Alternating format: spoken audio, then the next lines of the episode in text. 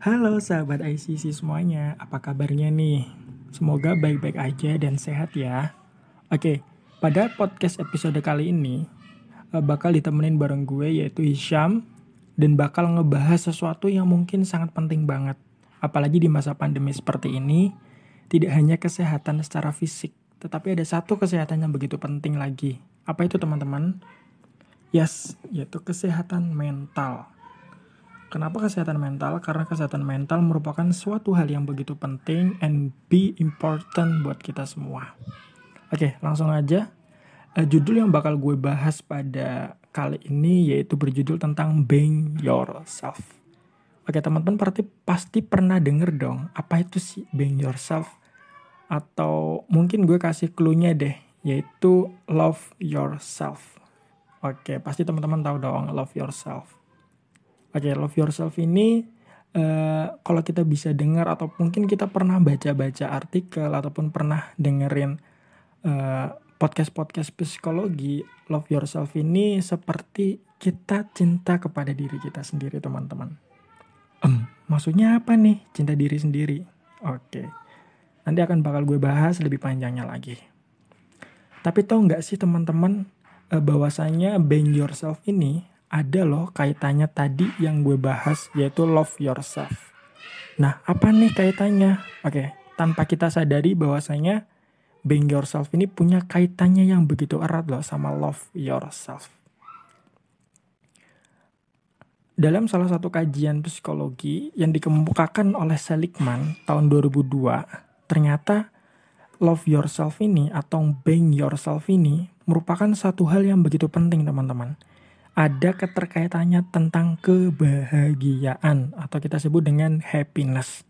Si Salikman ini ngasih teorinya yaitu adalah kebahagiaan itu merupakan keadaan psikologis yang positif di mana seseorang memiliki emosi positif berupa kepuasan hidup dan juga pikiran maupun perasaan yang positif terhadap kehidupan yang dijalaninya.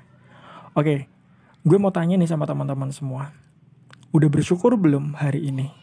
Atau sudah buat to-do list hari ini bahwasanya gue mau ngelakuin apa dan aku bersyukur bisa ngejalanin hidup ini. Kalau teman-teman sudah bisa ngelakuin hal itu, berarti teman-teman bener nih menurut si Salikman tentang kebahagiaan. Bahwasanya emosi yang positif, kepuasan hidup, pikiran yang bebas, dan juga perasaan yang begitu positif dalam hidupnya yang dijalaninya. Ada juga nih menurut si Harlock pada tahun 2004. Ada terdapat 3A.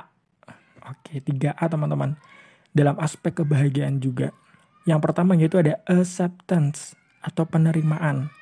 Yang kedua ada affection, kasih sayang. Yang ketiga ada achievement atau pencapaian. Nah, dari penjelasan di atas, sahabat IC semua bisa dong mengambil suatu kesimpulan. Tadi gambarannya nih, dari si Seligman ataupun dari si Harlock. Bahwasanya kebahagiaan itu penting banget dalam diri kita. Dan apalagi dalam proses pencarian jati diri kita atau disebut dengan self discovery itu juga merupakan suatu hal yang begitu penting dan erat kaitannya dengan being yourself ini teman-teman. Tapi pernah nggak sih ngerasa kayak um, hariku tuh kayak nggak begitu penting ketika lihat teman-teman yang begitu berhasil, dapat nilai tinggi, bisa berprestasi, kita merasa bahwasanya aduh gue tuh insecure deh atau aduh aku tuh kayak nggak bermanfaat lagi dalam hidup ini. Pasti teman-teman pernah ada ngerasain seperti itu kan? Sama, aku juga pernah ngerasain. Karena itulah kehidupan teman-teman. Tetapi tadi kata si Seligman bahwasanya ternyata kebahagiaan itu simpel banget teman-teman. Jadi dari kita selalu berpikir positif, emosi kita positif, perasaan kita positif, pikiran kita positif, kita bisa mengambil suatu bentuk kebahagiaan yang sesungguhnya. Nah, tapi sebelumnya gue mau ngajak teman-teman semua untuk sedikit meditasi. Oke, bahasanya meditasi teman-teman. Oke, pada gue pengen teman-teman uh, menjamin mata mungkin beberapa menit ya sekitar satu menitan deh cukup banget buat teman-teman semua Gue hitung ya sampai tiga. Satu, dua, tiga. Oke. Tarik nafas. Keluarkan. Tarik nafas. Keluarkan. Tarik nafas. Keluarkan. Tarik nafas. Keluarkan.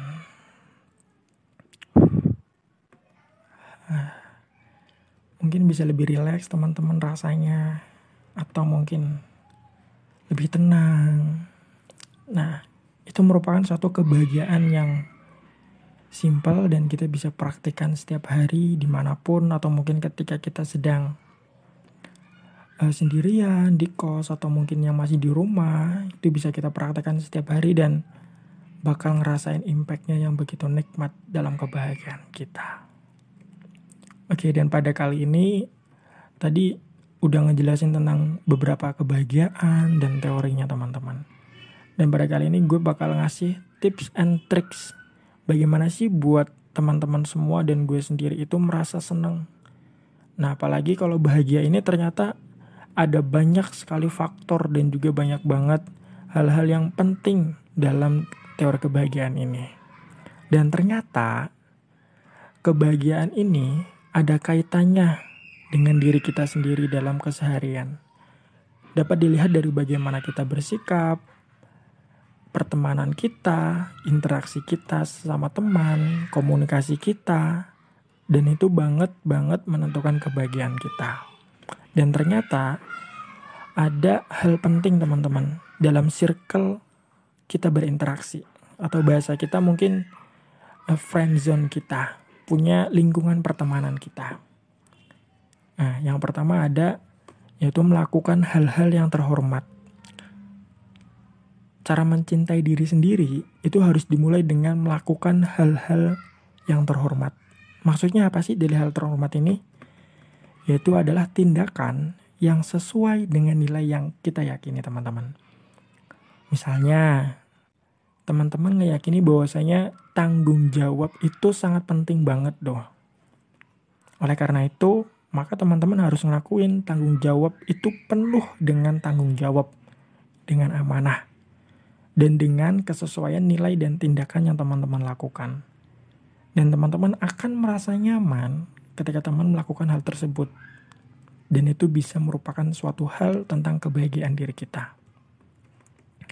Yang kedua ada apresiasi diri. Penting untuk merefleksikan kembali tentang keberhasilan kita, apa yang telah kita capai, tubuh kita telah lelah, letih, terus bergerak, terus berpacu dalam dunia ini. Tetapi ketika kita mengapresiasi diri kita, kita akan merasa tenang, kita akan merasa lebih nyaman, emosi kita diatur, perasaan kita teratur, dan diri kita dapat teratur dalam kenyamanan. Dan itu sangat penting banget untuk apresiasi diri.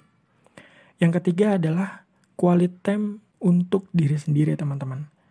Dilansir dari HuffPost, ada salah satu cara untuk mencintai diri sendiri, yaitu adalah menjadwalkan ulang diri Anda dari kesibukan untuk sedikit meletakkan beban pekerjaan atau rutinitas teman-teman lainnya.